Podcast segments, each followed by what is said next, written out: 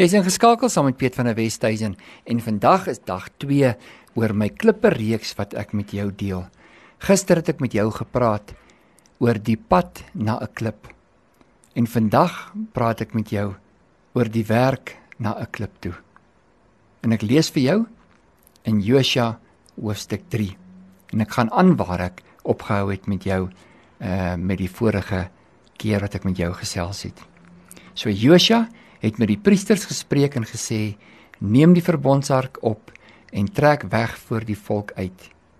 Toe het hulle die verbondsark opgeneem en voor die volk uitgetrek.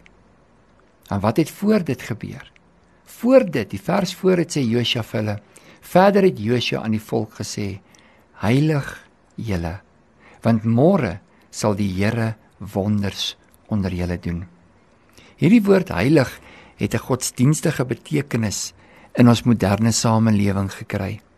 Mense dink hulle is heilig as hulle met die Bybel onder die arm loop of die regte klanke maak of mekaar broer of suster noem. Ek praat nie van daardie uh, heiligheid wat ons indrukke by mense probeer skep nie. Ek praat van die plek waar jou hart toegewy is aan God. Daardie plek waar God sy getuienis in jou lewe kom bewerk. Daardie plek waar God in die opregtheid van jou geloof met jou pad stap. Ons kan dit nie net namaak om werklik gelowige mense te wees nie. God word nie beïndruk deur dit waardeur mense beïndruk word nie. God kyk na jou hart. God weet wat jy bedoel. Hy weet wat die bedoeling van die hart is nog voordat enige iets plaasgevind het, gedoen is of nie gedoen is nie. Ja, hy wat weeg wat in die hart van die mens aangaan. Dis hy wat die pad saam met die mens loop. Dis hy wat met jou op pad na die getuienis van jou lewe iets in jou besig is om te bewerk. Heilig julle want môre sal die Here wonders onder julle doen wanneer 'n mens by daardie plek van heiligmaking in jou lewe kom, dan besef jy dat jy kan nie jouself heilig maak nie. Jy kan jouself heilig hou, maar jy kan nie jouself heilig maak nie. Heiligmaking is 'n plek waarin jy in Jesus in beweeg.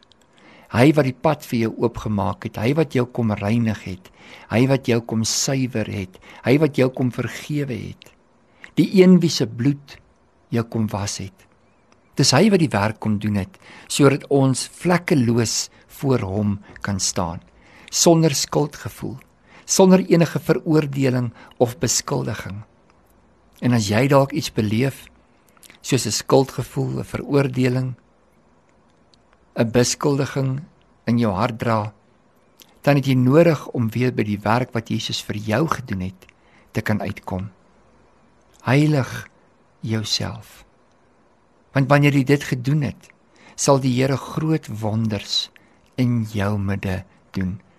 Wanneer die vrees van God weer in jou lewe teruggekeer het.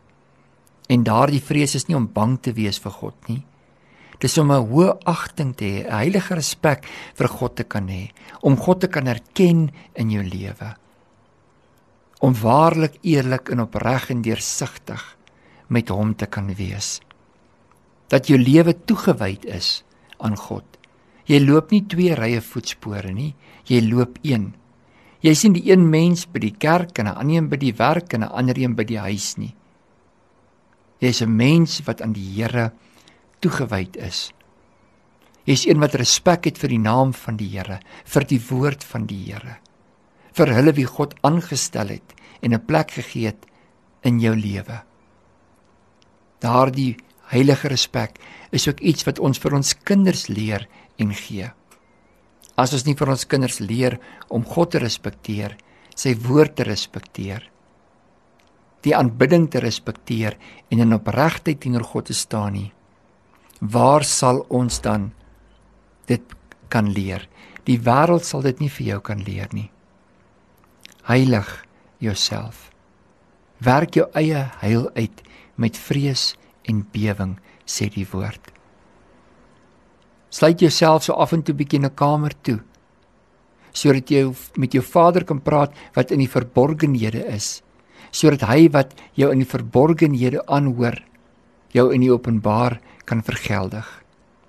Ons kan nie die krag van God namaak nie. Ons kan nie die salwing van die Here namaak nie. Baie probeer om dit te doen en baie word mislei deur die wat probeer om dit te doen. Want daar's nie 'n onderskeiding van gees nie. Ons het in ons tyd waarin ons leef die nabootsing, die fakeness van dit alles so begin aanhang dat ons die opregtheid en die egtheid verloor het in die teenwoordigheid van God. Daardie liefde wat jy in eenvoud met God kan deel. Daardie onverskrokke gehoorsaamheid wat jy teenoor hom betoon. Heilig jou. God gaan groot dinge in jou midde doen. Maar hy roep jou eers tot op 'n plek van afsondering. 'n Plek waar jou denke en jou gemoed en jou menswees deur 'n transformasie sal gaan dat God weer die primêre fokus in jou lewe kan wees dat God se gedagtes en sy opdragte jou primêre doel sal wees. Dat hy jou assignment sal word. Heilig julle want môre sal die Here wonders onder julle doen. Terwyl ek praat is ek deeglik daarvan bewus ek gesels met iemand vandag wat weet dat jy is op die brink van 'n deurbraak Jy staan so op die afgrond van hierdie deurbraak en die Here sê: "Laat gaan van die vorige lewe sodat jy in 'n nuwe plek saam met my kan inbeweeg. Ek het vir jou nuwe dinge instoor. Jou môre dag hou wonders in. En dis wat ek vir jou instoor het. Laat gaan die dinge waaraan jy vashou. Want jy heilig na jouself. Vandag is 'n nuwe dag. En Josua sê die woord het met die priesters gespreek en gesê: "Neem die verbondsark op en trek weg voor die volk uit." Toe het hulle die verbondsark opgeneem en voor die volk uitgetrek. Suid-Afrika kan ek vir 'n oomblik met ons leiers praat. Geestelike leiers, politieke leiers, ons besigheidssektor leiers. Jy wie in 'n plek is waar God vir jou autoriteit toebedeel het ek en jy moet voor uittrek.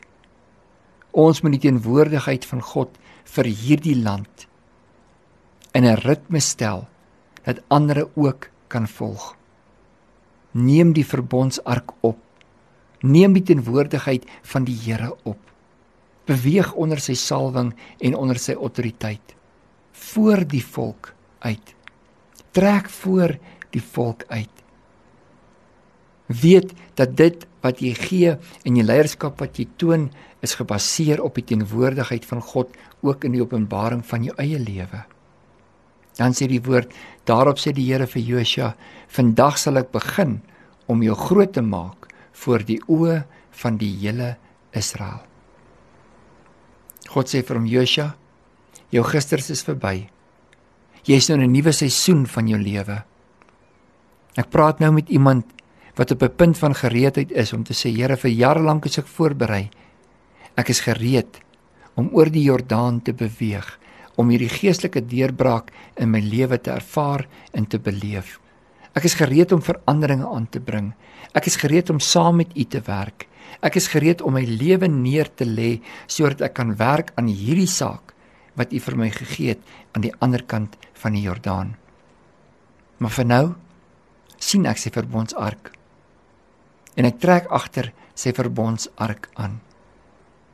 Daarop sê die Here vir Josua: "Vandag sal ek begin om jou groot te maak voor die oë van die hele Israel, sodat julle kan weet dat ek met jou sal wees, soos ek met Moses gewees het.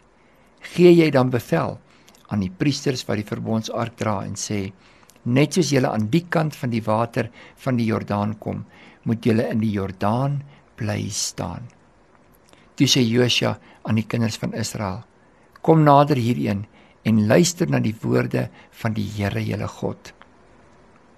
Verder het Josua gesê: Hieraan sal julle erken dat daar 'n lewende God tussen julle is en dat hy sekerlik die Kanaaniete, Hittite, Hewite, Ferisiete en Girgasiete en Amoriete en Jebusiete voor julle uit sal verdrywe. Kyk, die verbondsark van die Here van die hele aarde trek voor julle uit die Jordaan in. Nou sê God: Stap julle nou agter die teenwoordigheid aan. Kom hier.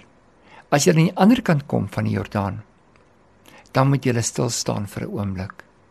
Jy moet erken dat ek die Here, julle God, jou tot hier toe gebring het.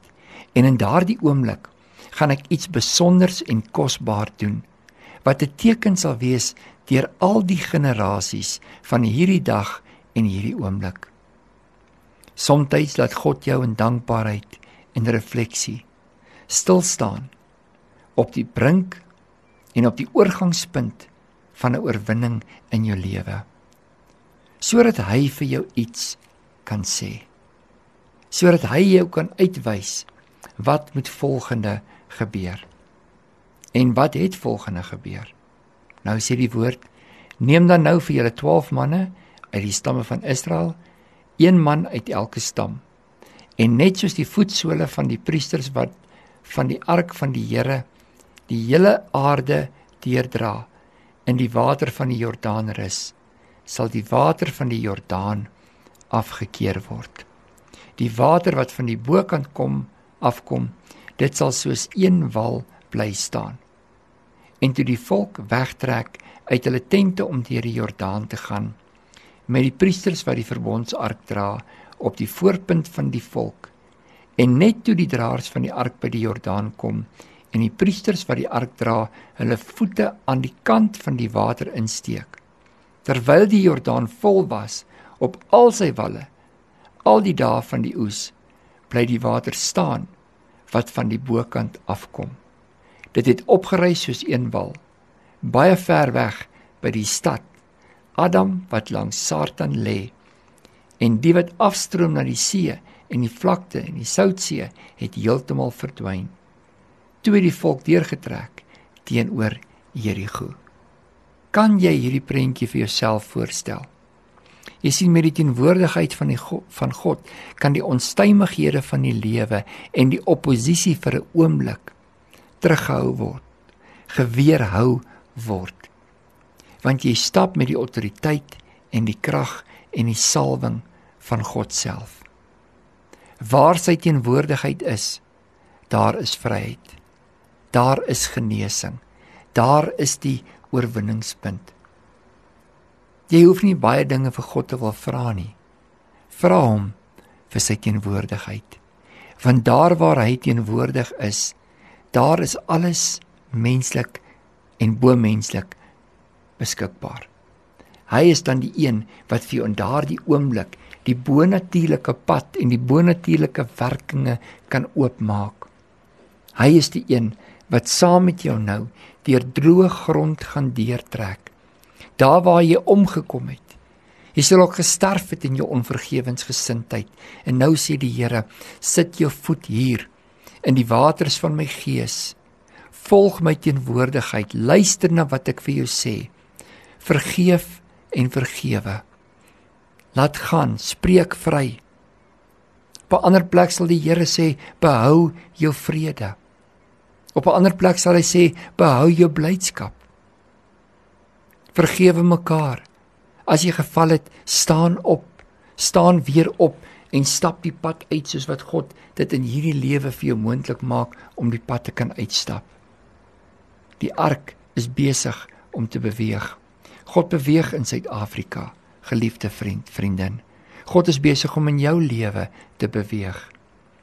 Hier is die ark staan stil in die waters en sien hoe God besig is om alreeds in te gryp en te werk in jou lewe.